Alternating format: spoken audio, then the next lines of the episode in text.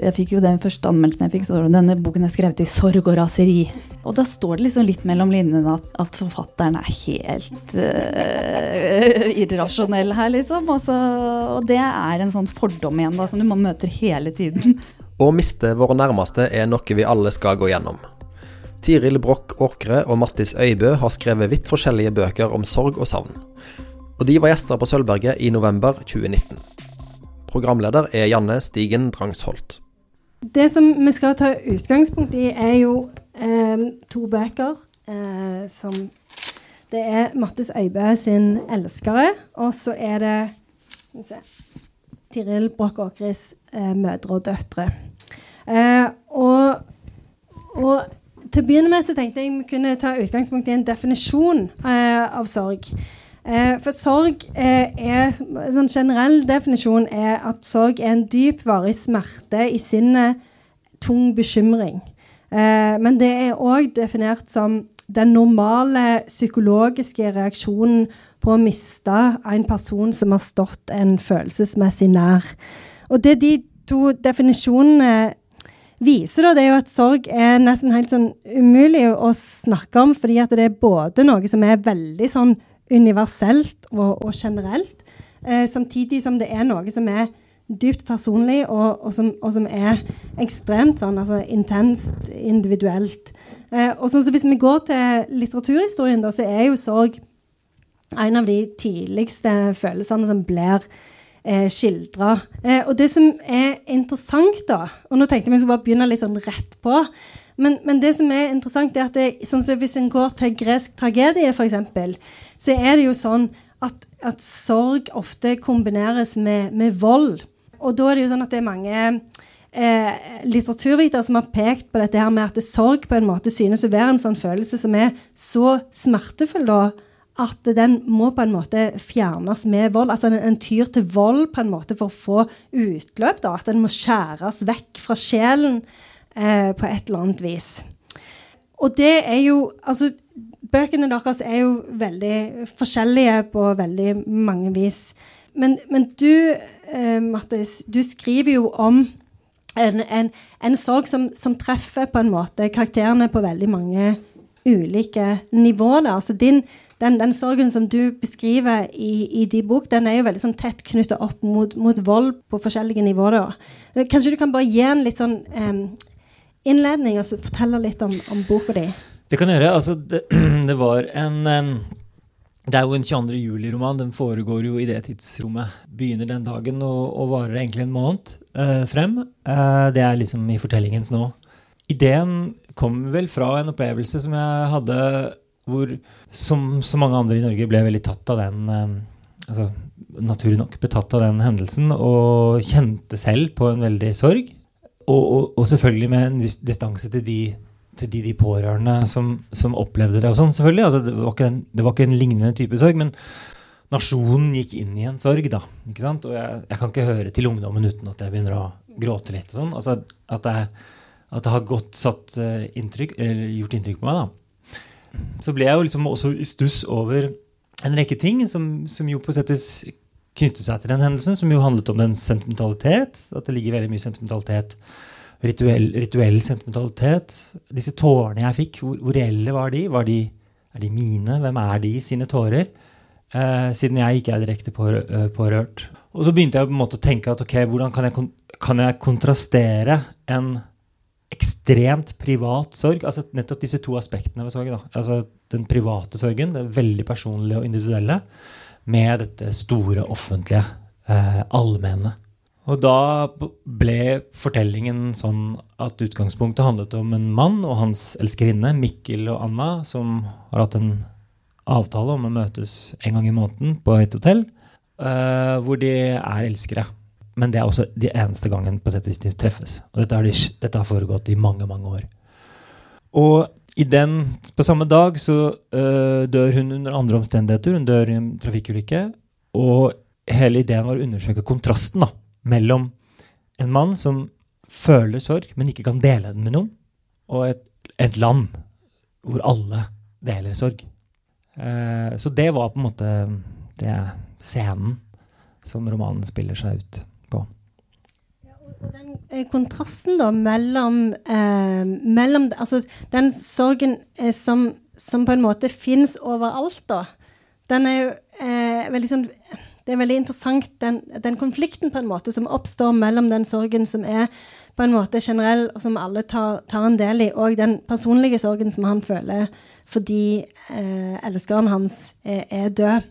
Jeg vet ikke om du husker, Det er en sånn scene med en sånn tenniskamp. Eh, hvor, hvor, eh, hvor, sønnen til hovedpersonen spiller tennis, og så er det ett minutt stillhet før den kampen begynner, fordi at de skal minne oss ei som er død på Utøya. da. Og da blir han, han, han blir veldig sånn aggressiv da, eh, under den kampen.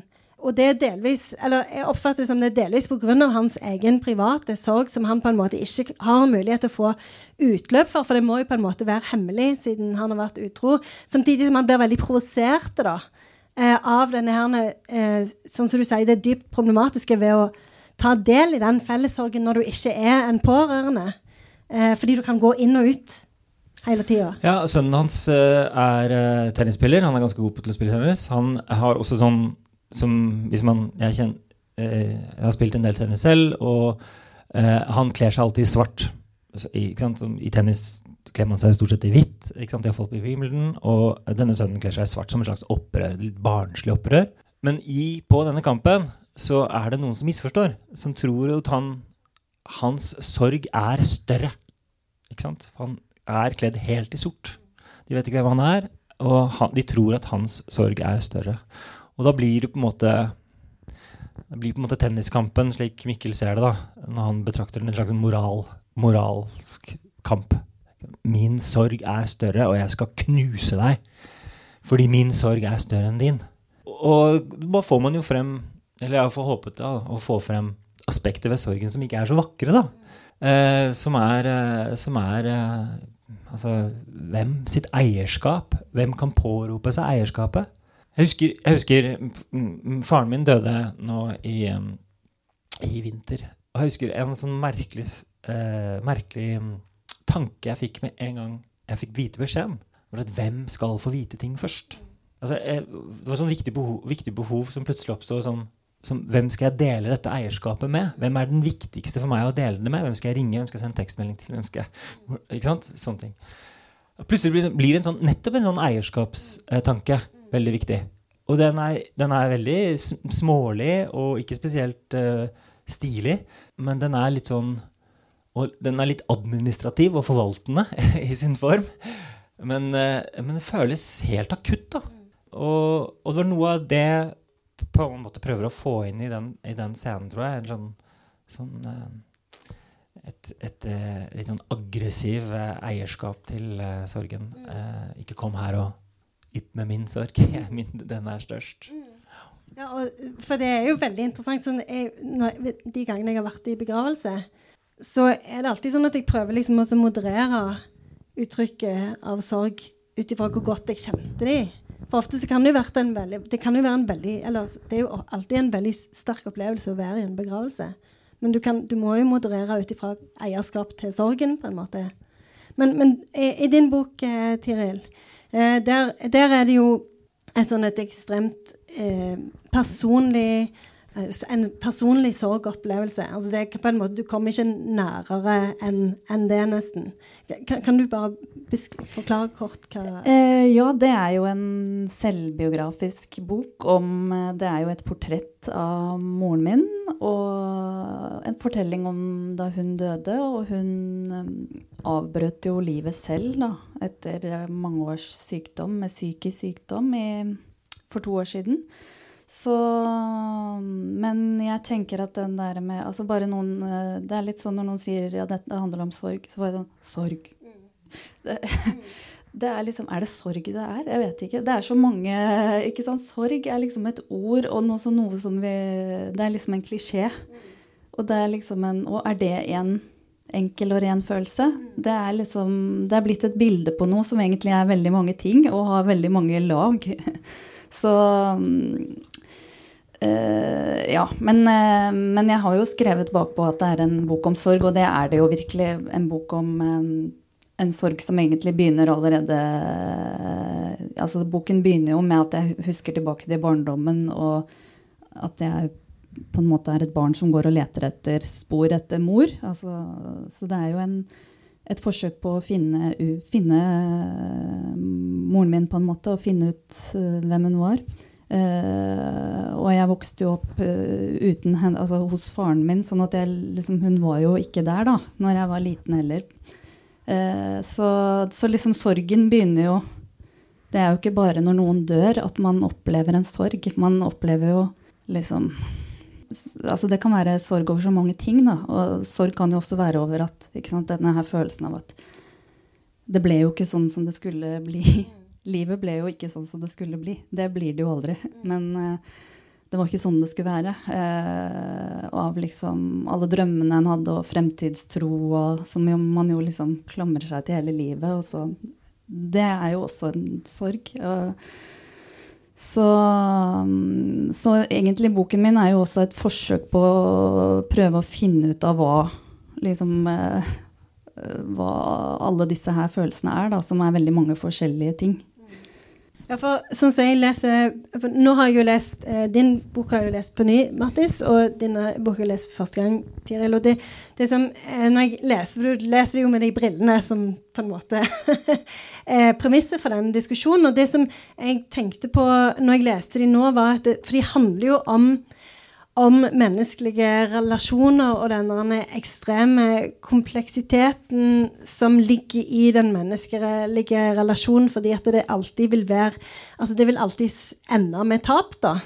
Og jeg tenker sånn så I din bok så er det jo en sånn en sorg som, som, eh, som går gjennom hele narrativet, da, som ikke har noe å gjøre med om, om mor, mors figuren da er død eller ikke.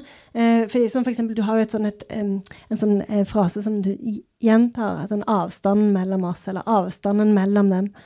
Og det er jo noe som, som på en måte uttrykker en sånn en sorg da, som går gjennom hele dette komplekse forholdet. da. Og når mor dør, så er det jo ikke bare det der med at, det, um, at hun er borte, men det er òg den der frykten for at hun kommer tilbake, nesten. Det, fordi forholdet er såpass komplekst. Ja, ikke sant. Det, men der er det jo man møter kanskje på litt sånne forestillinger om hvordan det skal være å sørge, som er Ja, ikke sant. Nå har, blir jeg jo intervjuet om denne boken og sånn, og da Senest i går så svarte jeg på et intervju hvor de spurte ja, hvordan var den første julen, for eksempel, da. Fordi at det er jo sånn at vanligvis så kan jo det være ikke sant, at til høytider og sånn så er det men, eh, men, det altså, For meg er det ikke noe sånn at høytider er noe annerledes. Altså, det er i hverdagen man kjenner altså, Dette er jo også veldig forskjellig, da. Og det, jeg hadde jo ikke en sånn mor som liksom lagde julefeiring og sånn at jeg liksom savner at hun står og liksom uh, svir ribben eller et eller annet sånt. Altså overhodet ikke.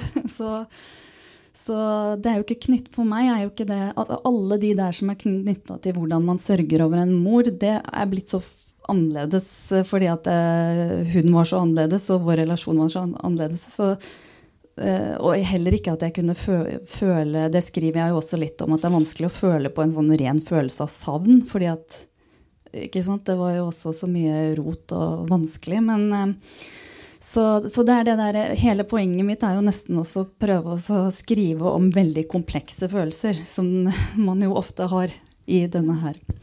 Eh, og liksom løse litt opp i det. da, eh, At dette er sammensatt av veldig mange ting. Og det er ikke, eh, det er ikke noe sånn reine følelser. altså at hele, nesten Sorgen for meg er jo nesten hele den her tyngden av det her konglomeratet av følelser. Og av følelser, ikke sant, den der avstanden mellom oss at vi ikke klarer å liksom redde hverandre eller hjelpe hverandre eller være der for hverandre. Altså eh, At vi liksom ikke strekker til, da, og at vi ikke liksom eh, Ja. Eh, at dette gikk jo ikke bra, selv om, alle, selv om vi gjorde så godt vi kunne. Og, ja. og det er jo en sånn erfaring av noe litt sånn uh, En eksistensiell erfaring, da. Som er liksom kanskje sorgfull, men kanskje Ja, jeg skriver jo også om at uh, jeg går til en psykiater da, i etterkant av det her og liksom sier alle disse her følelsene jeg har. Og, han sier, og jeg er litt sånn Ja, dette er vel kanskje veldig sånn depressivt, da, at jeg liksom har mista helt håpet. Og, og, han sa at nei, men det handler kanskje om modning, da. Og ja, det har jeg måttet tenke veldig mye på. Men det er jo det òg, ikke sant? Altså å innse at, at sånn er livet, liksom. på en måte. Det er det jo det. Ja, og det tenker jeg veldig på når jeg leser din bok òg, eh, Mattis. At det er, for det er jo disse menneskelige relasjonene innebærer jo tap hele tida. Altså for det, det, du har, eh, for det er òg eh, relasjonen mellom hovedpersonen og, og, og, mora, som har begynt å bli eldre, og, og, sønnen, som på en måte har et liv som han ikke Altså det er jo veldig mye altså Den sorgen som han føler det virker som den, den, den stråler jo ut i veldig mange ulike retninger. Det er jo ikke bare den som han har mista, på en måte, rent sånn fysisk, da. Nei, og dette her er jo dette her er, ikke sant, Hva skjer hvis du plasserer en sånn sort perle i midten av et menneske som ikke kan, ikke kan uttrykke verken for moren sin eller kona si eller sønnen sin hva han egentlig føler? Fordi Eh, og så kan man jo si at det har han ikke kunnet uttrykke, eh, uttrykket før heller, for han har hatt et eh, kjærlighetsforhold med en kvinne i, i mange mange år. Et, altså et annet liv, da, rett og slett, selv om det har vært veldig kort på et hotellrom en gang i måneden. Men um, jeg tror det som er interessant med sorg, og det er nesten litt skummelt med sorg, da, særlig når man skal skrive om det, og særlig i litteraturen, er at den, det er så tungt og så stort tema at det kan fylles med alt. ikke sant? Og det kan, det kan lade alt. Og Derfor opplever jeg ofte at når jeg leser svakere da, fremstillinger av sorg, er at de regner med På en eller annen måte så, så, så, er nettopp alt ladet, og derfor er liksom det å drikke kaffe ladet. Det er det å lete og rydde ladet, ikke sant? Det, det er en sånn taus, stor følelse som på sett vi som lesere skal eh, oppfatte, og så kan forfatteren liksom trekke seg tilbake og bare beskrive. Jeg leste en veldig interessant bok som egentlig er ganske bra. Eh, men som er fylt av dette. Og som irriterte meg over dette. Men jeg har prøvd å tenke litt hvordan den boken her. Og dette er, er, Da jeg jobbet med denne romanen, så leste jeg jo de 22. juli-bøkene som på sett og vis etter hvert dukket opp, da, bare for å se hvor landet ligger. Um, og Eivind Evjemo skrev en bok som heter 'Velkommen til oss', som er uh, satt en, uh, hvor 22. juli er et bakteppe. Og det som var utrolig interessant med den, han er en fantastisk forfatter som er så tett på realismen. Han er så tett på beskrivelser. Du ser hele eh, beskrivelsen hans. Men hovedpersonene som har mistet et barn i en annen ulykke for lenge siden, og hvor, hvor 22. juli på sett og vis vekker det traumet, har ikke språk for sorgen sin. Eh, og da er for, Det er en bra roman, men den jeg liksom savnet konfrontasjonen. Da, Refleksjonen rundt det. At sorgen ikke bare var et taust element som liksom bar boken igjennom. At sorgen er noe som, på, e, som er en så stor følelse og inneholder så mange relasjoner. Og er kjærlighet, er frykt, er eh, redsel, er grådighet, er alle disse ulike følelsene. At man på en eller annen måte er nødt til å konfrontere det litt head on, da, på en eller annen måte. Og så, og så tenkte jeg litt videre på det, fordi jeg leste en annen veldig, go veldig god roman het, av Stig Seterbakken som heter 'Gjennom natten', som også handler om sorg. Uh, som ikke handler om 22. juli i det hele tatt. Men, men det, det, som er et veldig interessant ting der, er at Og dette er også et element ved sorgen. Da, er at han, det er også en uh, portrett av en far som har mistet en sønn, og så glemmer han det. Han glemmer at han har mistet sønnen sin. Livet går videre, verden beveger seg rundt, og han glemmer det. Og det faller på settet sorgen faller ned og blir usynlig. Og så kommer han på det. Og så er, så, så er sorgen liksom fersk. Ikke sant? Og da blir han én redd for å glemme. Én. To redd for å huske. Altså han, han blir liksom redd for absolutt alt. Og, og plutselig blir sånn behovet for å huske sorgen da, hele tiden.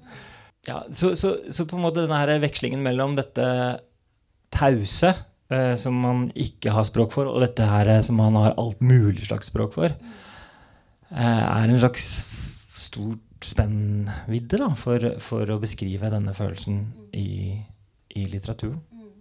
Det syns jeg er veldig fint med måten du beskriver òg på den um, kollektive sorgen etter 22. juli. For det, jeg liker måten de forskjellige karakterene blir liksom provoserte av at det går an å gå inn og ut av den sorgen. At det, i et øye, for det, det, er jo ingenting som står på spill. Det er jo ikke sånn at det er for, altså, for, for, ikke for de karakterene som er i din bok, så er det jo ingen som har mista noen, noen som, er nære.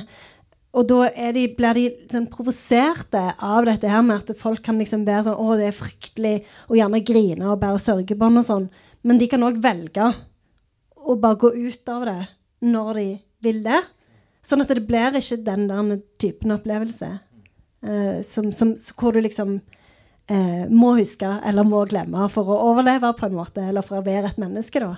Men du skulle si noe? Ja, nei, Det var den der 22. hele den der liksom, kollektive sorgen etter 22. juli. Den tenker jeg også liksom er så sammensatt av så mange følelser og rare ting. da, at der er det jo også en sånn, ikke sant, hele det her rosetoget og alt sånt som ble kanskje litt sånn too much for uh, Ja, altså sånn uh, Ble nesten litt sånn uh, kitsch, da, eller sånn, sånn der, For mye, liksom. Men jeg tenker at uh, i den der følelsen som var en sånn kollektiv følelse da òg, kanskje var også en litt sånn at man altså Hvis jeg skal huske tilbake til den tiden, så var det også at man var litt letta over at ikke det var et muslimsk terrorangrep. For det som man trodde, for da ville det liksom Altså at det var én enkelt nordmann. Da følte vi at når vi fikk vite at det var det, så var det liksom en sånn derre folk man kunne nesten oppleve at ja, men da er vi i hvert fall trygge nå, liksom. Sånn at det var så mange rare ting inni de liksom, stemningen som var på det i akkurat de dagene. Da. Som da ble kalt for at vi sørger og i roser og sånn, men som var, tenker jeg da, veldig mange, veldig mange ting, da. Eh, så ja. Det, det er så lett å, å, å, Når det gjelder den rituelle sorgen, altså det gjelder det dette ser man jo når man er i begravelser òg, selv om man ikke er tett på de som eh, er, eh, er der, så er det noe godt å tre inn i et ritual ikke sant? Eh, for de som er nærme, og de som er lengre vekk, da, ikke sant? som er i begravelsen fordi de kjenner noen. Så, så behovet og viktigheten av de, de ritual, ritualene tror jeg er superviktige. Og, og, det var helt åpenbart superviktig i, uh, viktig under 22. juli. Men vi må ikke forveksle vi, vi, er alltid, og særlig når det gjelder den, denne, dette, dette, temaet, da, er vi jo et veldig ofte offer for kitsch. Og offer for en type sentimentalitet som jo nettopp er evnen til å gråte litt og så kjenne på sett vis eh, den liksom halvsmertefulle sødmen ved å gråte, og så gå ut av det igjen. ikke sant? Men de som jo de som virkelig var rammet, og de som virkelig hadde pårørende der, de blir jo ikke kvitt det. De kan jo ikke gå ut. Og hvis de går ut, så blir det kanskje sånn som i Seterbakkens bok, at de frykter å gå ut. For da vil jo bare sorgen komme tilbake med, med full kraft og det som jeg ofte det som jeg synes ofte jeg ser i sånne bøker som handler om sorg, det er ofte at det blir liksom sånn at du at måten det beskrives på, er at det setter seg veldig sånn i kroppen. Da, at det blir en sånn en, ikke ute av kroppen-opplevelse, men intens tilstedeværelse i bare kroppen. Og du har jo en sånn veldig fin eh, beskrivelse av det på slutten, hvor du sier at, liksom at eller hovedpersonen sier at jeg, altså, jeg, jeg klarer ikke dette. Altså kroppen på en måte gjør ting som Ja. Uh, ja, det er jo kropp og sjel henger jo sammen. Det erfarer man jo veldig tydelig med sånne ting, da, når man opplever sånt. Men uh, så ja. Uh, ja. for, det, for det er jo òg, tenker jeg, den John Didion-boka. Mm. Som heter 'Et år med magisk tenkning'. Der er det jo sånn at det, kroppen på en måte tar over. da, For det ble jo liksom denne herne, magiske tenkningen, da, som hun på en måte rasjonelt vet ikke Eller det er vel en slags altså Det er vel òg eh, beskrevet som en slags galskap, da, men det er jo liksom en sånn dobbelttenkning, i hvert fall. Hvor du på den ene sida tenker at eh, Eller hun tenker at jeg kan ikke hive klærne hans fordi at han kommer jo tilbake. Samtidig som hun vet jo at han, hun kan jo hive klærne fordi og det er jo òg sånn så, Og det syns jeg var så interessant med din bok, der, for der driver jo hovedpersonen med en sånn dobbelttenkning mm. eh, før mm. mor tar livet av seg. Hvis, ja, men hun kan jo ikke dø nå, fordi nå går jeg jo gjennom denne hula. Mm. Ja. Mm. Ja, eh, det er den her eh, magiske tenkningen som man holder på med, da. Og så eh, Og det er jo også, ikke sant, i denne boken forteller jeg også om det at ikke sant, uh, hele tiden så har man jo sånne forestillinger om hva som er trygt, og hva som ikke er trygt, som er helt sånn irrasjonelt, ikke sant. Og, og man tror liksom at eh, noen ting hjelper som jo overhodet ikke egentlig hjelper. Og, ja, men vi trenger jo å tenke disse tingene også. Eh, så, og jeg tenker også at i disse her, sånn som Didien skriver om, og det her med sant, alle disse små ritualene man gjør, da, som å ta vare på Sånn som jeg et år etter at mamma var død, så gikk jeg jo liksom med hennes klær, og man har eh, det, det er jo en sånn eh, psykolog som eh, kaller disse tingene for sånn overgangsobjekter. Da. Altså at du er jo i en sånn krise i livet, og hvor du skal liksom gjennom en sånn fase, da. Og i den fasen så trenger du noen sånne overgangsobjekter, da. Så det er jo sånn ikke sant? Når barnet skal løsrive seg fra mor, så har de kanskje en bamse eller en sutteklut eller altså Det er liksom en eh, I løsrivelsen så liksom trenger du dette her objektet, da. Eh, og jeg tenker at i sorgen så er jo også boken dette her overgangsobjektet, da. Ikke sant? Det som du på en måte det som liksom skal frakte deg over på andre siden videre i livet. Eh, men den her fasen av at du er, eh, som du snakket om også med Didien, det her at du er i en nesten sånn galskap, eh, det er jo også den her Altså en antropolog som heter Victor Turner, han har jo undersøkt sånne her overgangsritualer. Og den, de har jo også en sånn forskjellige faser, da, han, har han beskrevet. Og midtfasen der er jo da det han kaller liminalfasen, da. Og det er jo gjerne sånn hvis du hadde sånn type for ungdommer, da, sånn som vi har konfirmasjon, så har du jo det i mange forskjellige land, sånne ritualer hvor de f.eks. blir Altså ungdommene blir De blir jo skjøvet ut av samfunnet, ut i skogen kanskje. Og i denne her liminalfasen så er de urene og farlige og kan ikke være i samfunnet, ikke sant? og så skal de komme tilbake og bli integrert i samfunnet igjen. Og det er du jo på en måte når du er i en sånn sorgkrise, da, så er du jo blitt denne her personen. da. Sånn som jeg skriver at liksom, jeg er blitt hufsa. Det opplevde jeg jo, ikke sant. Altså når alle, jeg visste liksom første visste jo at alle fikk vite at nå har moren til Tiril eh, tatt livet sitt, liksom. Altså det er så alvorlig. og og forferdelig. Og liksom første gang jeg da møtte en jeg kjente, da, som ikke var familien, etter at det hadde skjedd, var jo på flyplassen. Jeg skulle, for det var jo sommerferie, og jeg skulle til Kreta med ungene. Og møtte jeg en venninne, og så så jeg liksom bare hvordan hun så på meg. Og da skjønte jeg liksom Oi, dette er jo veldig alvorlig.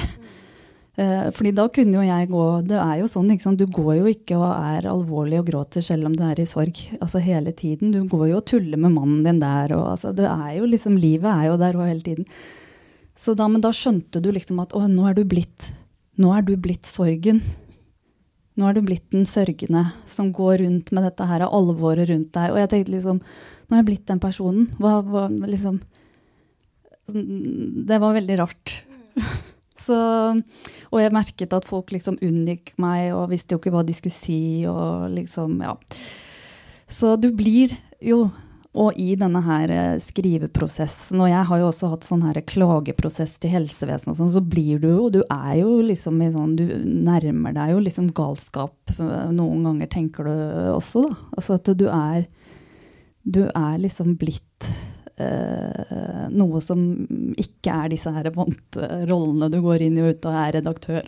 Er en som snakker fornuftig og er liksom ikke raser eller eh, Plutselig så er du bare liksom masse følelser og sånn, da. Som blir jo regna som vanvittighet, liksom, i vårt samfunn. Så ja.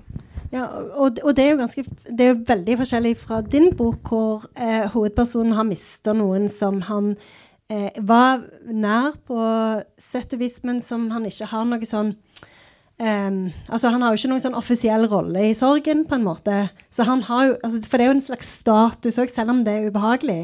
Men han går jo også i oppløsning. Ja, han gjør jo det. Han gjør jo det. Og sånn, sånn, han søker jo hjem til hun for å få et eller annet sånn overgangsobjekt, da, eller og da er han jo en inntrenger. på ja, Og ikke bare gjør han det, han innleder jo også et forhold til datteren hennes. Ja, så, uh, så uh, han finner sine rare strategier for å, for å eh, en, en form for, sin form for galskap, da. Som vel egentlig for ham handler om å utsette det. Eh, fornekte det, da. Eh, at, han, at han Siden han ikke får bekreftelse på den utenfra Det liksom, er ikke mulig for han å få bekreftelse fra det utenfra. Så har den heller ikke, kanskje ikke skjedd. um, så, så, sånn sett så har jo han en type, en type Det er jo galskap i det. Uh, og, det, og, jeg tenkte jo, Da jeg leste Tirils bok, så tenkte jeg også at den altså En ting er at, uh, at du blir hufsa, uh, og det, men det er også det å gå i dine mors klær. Uh, ikke sant? Det er den beskjeden du tror på en måte hun har gitt til deg gjennom et, den, den den sterk scene med et brev hvor moren til har skrevet noe på brevet som taler veldig til deg. da. Mm. Og plutselig så er jo den døde Så snakker jo den døde. Nesten helt konkret.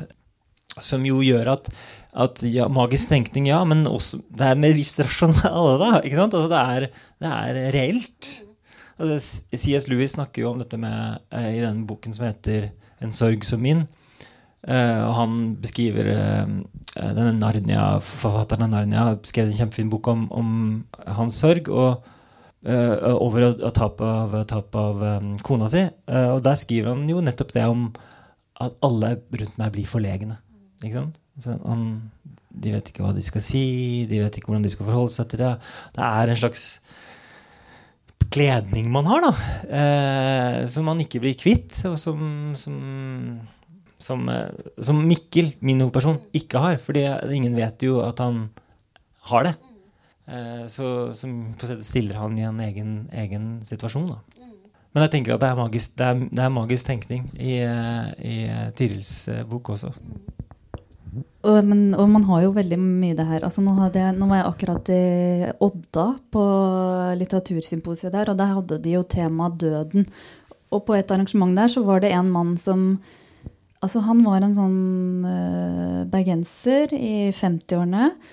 Uh, han fortalte dette jeg skal fortelle dere nå, det var jeg åpen om først når jeg ble først nå for første gang for fem år siden. Men dette er noe som jeg har hatt med meg hele livet. Han jobbet i et eller annet sånt firma. Han var businessmann.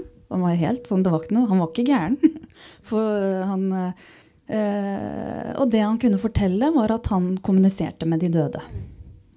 Og det var sånn at de tok kontakt med han. Han kunne fortelle at han var på ferie i Tyrkia, f.eks. Og da kjente han da at her er det en som vil ha kontakt. Uh, og da vet han at da er det en som er i nærheten, som den som tar kontakt med han, vil uh, at han skal være et medium og gi et budskap til. Og da hadde han sett seg rundt, og så har han da en sånn intuisjon på hvem den personen er. Og så får han da et slags sånn budskap da fra den avdøde, eh, som han da, ikke sant. Så går han bort da til en dame og sier du, dette høres sikkert veldig rart ut, men jeg sier det deg nå at det var en onkel som døde i en trafikkulykke. Sier, dere deg noe? Ja, ikke sant? Onkelen hennes hadde Ja, og, og så har han da et budskap og sånn, dette er det jo veldig mye av. ikke sant? Altså Shaman Durek og, og det er jo veldig mye av sånn altså I Naya Marie Ait sin bok så er det jo sånn om så hun mistet sønnen, så er det jo sånn, sånn Hun jo helt, har jo en helt tydelig liksom, kommunikasjon med sønnen, opplever hun da, etter og jeg tenkte jo også sånn at det var, eh, hvis det var noen som skulle ha kommunikasjon med noen etter at vi er død, så måtte det vært mamma som liksom kom og hadde noe hun skulle sagt. da. Så jeg tenkte nå kan vi få testa det. Hvis det er sånn, så burde jo i hvert fall hun ha fått til det. Så, men, eh, men, det var veldig stille, da. Det hadde ingen opplevelser av det. Så det har jeg mista litt trua på. ja, for, for, det skriver du om at det er sånn veldig sånn behov for et tidspunkt at du skal komme og sette seg ned og liksom kose litt. Ja, men det altså, skjer du har, ingenting. Du har jo liksom behov for at, for det er veldig vanskelig å forstå dette her at et menneske er borte. Og du har jo på en eller annen måte behov for at det skal være en eller annen kommunikasjon der etterpå. da, altså en sånn altså på en eller annen måte, Om ikke du har så veldig behov for at akkurat liksom du hører noen lyder, eller så, så, har du på en måte behov for at den kommunikasjonen skal fortsette. Og det gjør jo jeg på en måte litt i og for seg i boken, da, fordi at jeg ikke sant, fortsetter jo samtalen med henne. da, Med det hun har skrevet. og ikke sant? På en eller annen måte så må du ta det Så har du behov for å ta det med deg videre. Og komme til en eller annen sånn Ja, men hva har jeg med meg fra henne? Det er, ja, i hvert fall For min del så blir jo det veldig sånn tydelig. Liksom når jeg skal gå videre i livet, så er det jo med en sånn Hva har jeg med meg fra henne? ikke sant? Altså, jeg har jo sånn, ikke sant? Når jeg får god anmeldelse, så er jeg sånn Ja, men nå hadde hun vært stolt av meg. Og, ikke sant? Du liksom tenker på disse tingene hele tiden. da, Som om det liksom betyr noe, egentlig. Da. Altså, det er jo viktigere egentlig at liksom, jeg, mannen min er stolt av meg. Eller, altså, ja. Men vi liksom fortsetter da, å kommunisere. Ja, og, og, det for det tenkte jeg på når jeg leste det nå. For der er det jo liksom Han har jo et visst behov for liksom, å føle et slags sånn nærvær innimellom, da. Men det er jo helt Det er jo ingenting.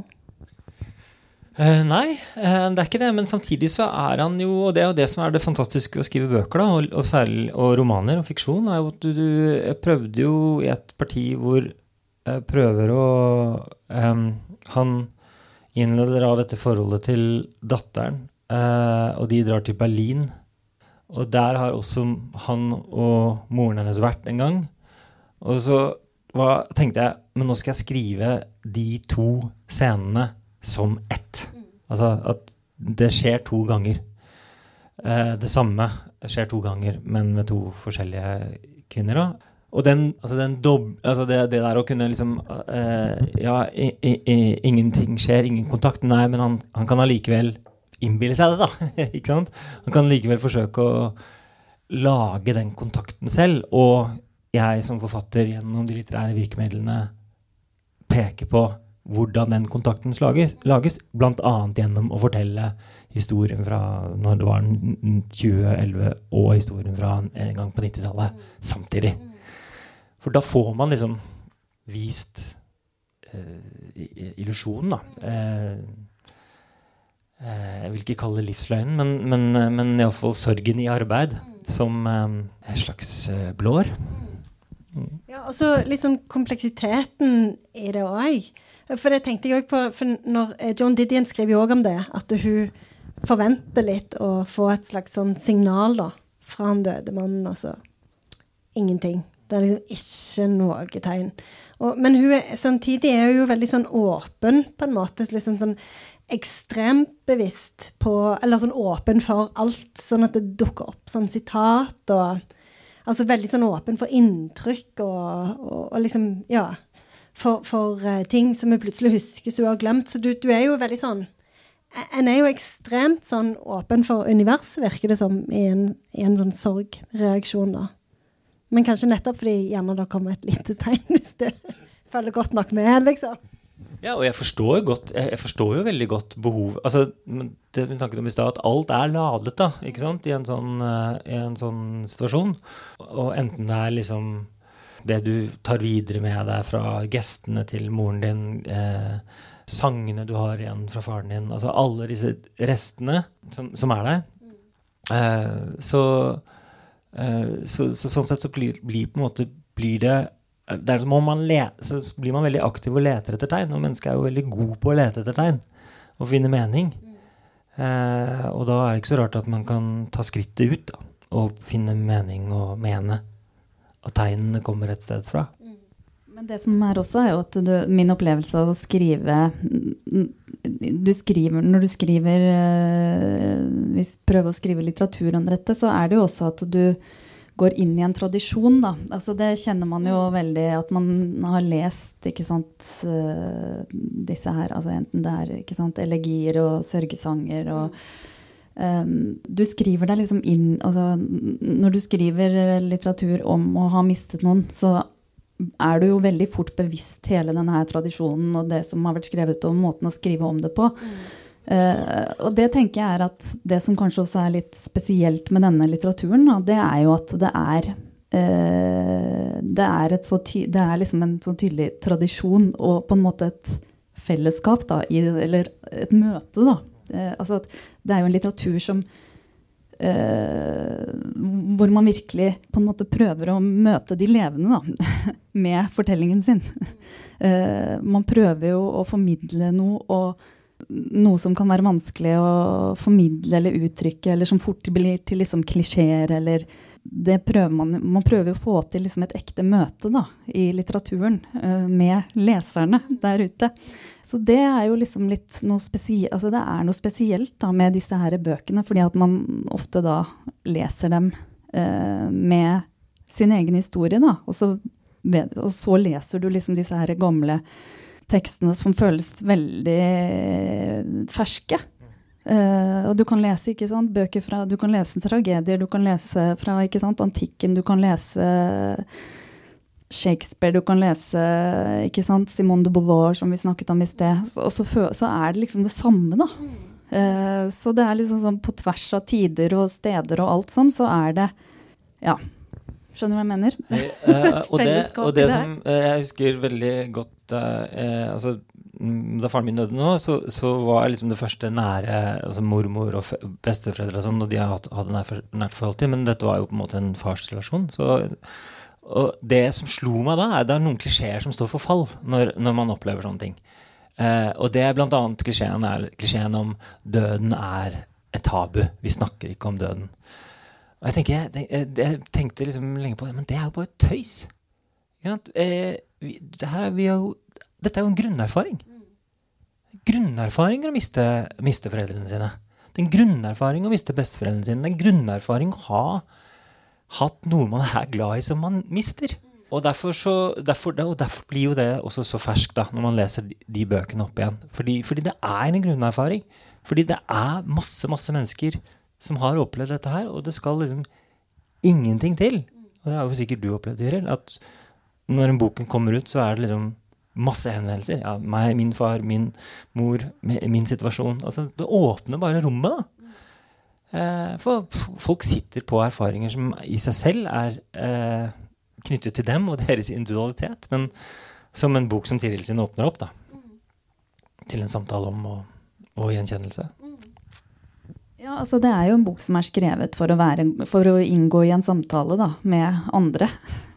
Det er jo Ikke sant? Altså det tenker jeg skiller den litt fra andre bøker jeg har skrevet. Eller, ja, altså det der med at det er et så stor del av premisset, er det der at du, du liksom griper virkelig ut i verden da, etter å, å, fortelle til andre. Både for å liksom møtes på noe som føles som en liksom eh, uten masker og uh, roller og Men men også litt sånn altså Jeg prøver jo også liksom å drive litt sånn folkeopplysning da, i min bok. Og liksom lære liksom fortelle litt om nesten sånn rettigheter ja, hvis, du noen, hvis, du er pårørende i psykiatrien, så har du disse og disse, disse rettighetene. Jeg prøver liksom å snike inn det.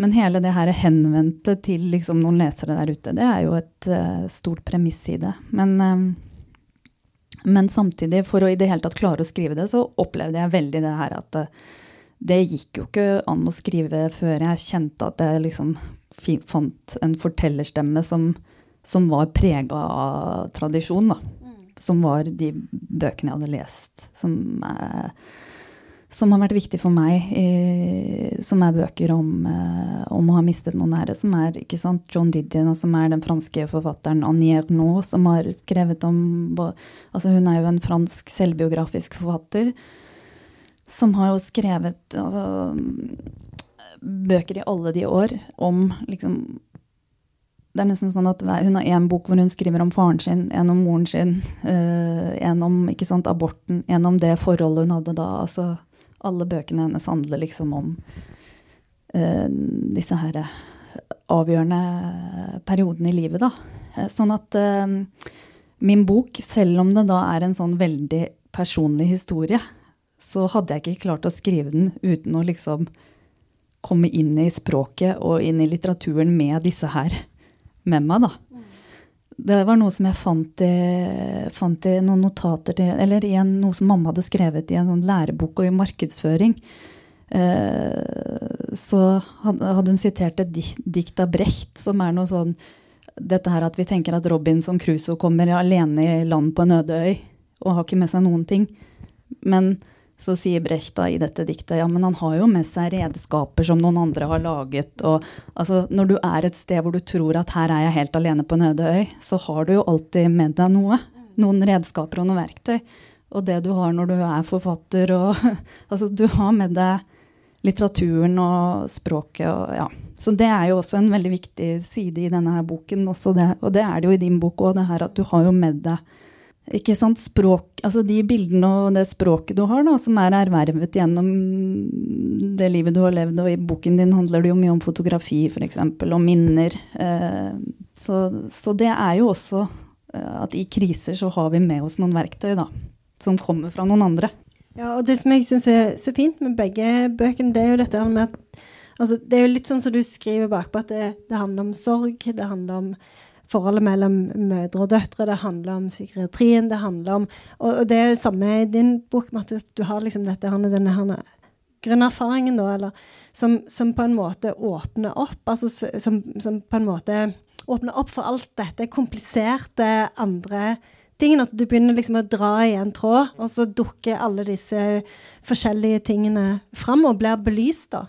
På, på en måte som, som ja, som, er veldig sånn opplysende og, og, og fin, da. Vi må, vi må, snakke om én siste ting. Ja. Eh, fordi det var en ting som er litt viktig, tror jeg, å huske her. Eh, og det er eh, noe som slo meg veldig da jeg leste Tirils bok, er jo at Um, dere, det, denne her, dere husker kanskje Det er en eller annen amerikansk psykolog tror jeg, som har liksom snakket om de fem fasene i sorg, sorgarbeidet. Jeg husker ikke om det er liksom sinne, sinne fornektelse, depresjon Aksept. Nå har jeg glemt ett et punkt. Men iallfall det er en slags At det er en, det er en læringskurve her. Mm. Ikke sant? Og denne ideen om læringskurven eh, tror jeg i alle fall alle de gode bøkene om sorg jeg har lest, sier eh, det er tøys. På et eller annet plan. Mm. Er det eh, Altså jf. Se, eh, Setebakken. Så på en måte det ferske, kontinuerlige ved sorgen. Det kommer ingen ulike faser, ikke sant? Det kommer ikke aksept, ikke sant? Og, og det er, I slutten av Tillis bok så står det jo akkurat det. Altså står det at har jeg, Hva har jeg lært? Kan jeg Eh, har jeg lært noe? Eller er noe ødelagt for alltid? Eh, og at man, man det, er, det, er det, det, er, jo den type erfaring man snakker om, da. Og er, i, jeg jobber i forlag, og der er det en sånn regel eh, Når du skal lage en sakprosabok, så skal du ha to typer titler. Du skal ha problem først, hovedtittel, og så skal ha løsning under. Og det, dette kommer dere til å se hvis dere bare tar en titt på en, uh, særlig amerikanske sakprosabøker. da. Er liksom, jeg gikk gjennom denne sorgen, om uh, min kjære, kjære sorg, og hvordan jeg kom ut av det. Ikke sant? Den kommer alltid mot slutten der. Uh, fordi det er vår håpløse optimisme, da, på en eller annen måte. Vår, vår, vår måte å tenke fortelling på. At vi til slutt skal komme ut av det og ha lært noe og gå videre. Men I det så ligger det også denne her Det opplever man jo virkelig da når man har opplevd uh, sorg, at uh, i det ligger jo også i dette her at ja, men når du er i begynnelsen av sorgen, vet du, så er du jo helt irrasjonell og liksom uh, altså, Når jeg som hadde sånne her klagesaker til leger og sykehus og alt sånn, så blir det liksom avfeid, da. Fordi at nå er jo du i sjokk, og nå er jo du, ikke sant ja, men nå er dette er i etterpåklokskapens lys, og dette er Nå er du liksom rasende, og nå er du liksom Du er jo i sorg. Sånn at det er nesten som om du liksom ikke har noe hjerne lenger, da, fordi at du er i sorg. Og det er jo veldig feil. Fordi at eh, du er jo Du har jo hjernen din liksom òg, og kan tenke og Så det, det er også noen sånne fordommer, da, at du liksom er nå, dette er jo en veldig, Denne boken er skrevet i Jeg fikk jo den første anmeldelsen jeg fikk, så denne boken er skrevet i sorg og raseri. Ja, og da står det liksom litt mellom linjene at, at forfatteren er helt uh, irrasjonell her, liksom. Altså, og det er en sånn fordom igjen da, som du møter hele tiden. Og som det er ikke sant, da. Men det ligger også til liksom den her læringskurven. at det, her er du ikke til helt til å høre på. Alt du gjør og sier her, er ikke egentlig verdt noe, fordi at du er bare i en pøl av forvirring og galskap. Og så kommer du ut, og da har du liksom skjønt alt. Men kanskje burde du skrive denne boken om 20 år, vet du, når du kan se tilbake og skjønne hva du hadde gått gjennom. Du, ja, du møter sånne ting hele tiden. Dette vil du se annerledes på når du liksom Ja. Men uh, ja. I den eh, romanen til Max Porter som heter 'Sorg av den greia med fjær', der står det at eh, det er tiårssykluser. Eh, så kanskje møtes igjen om ti år. Se, Vi kan prøve. Ja. ja, tusen takk til alle som kom, og tusen takk til Tiril og Mattis. Takk til dere.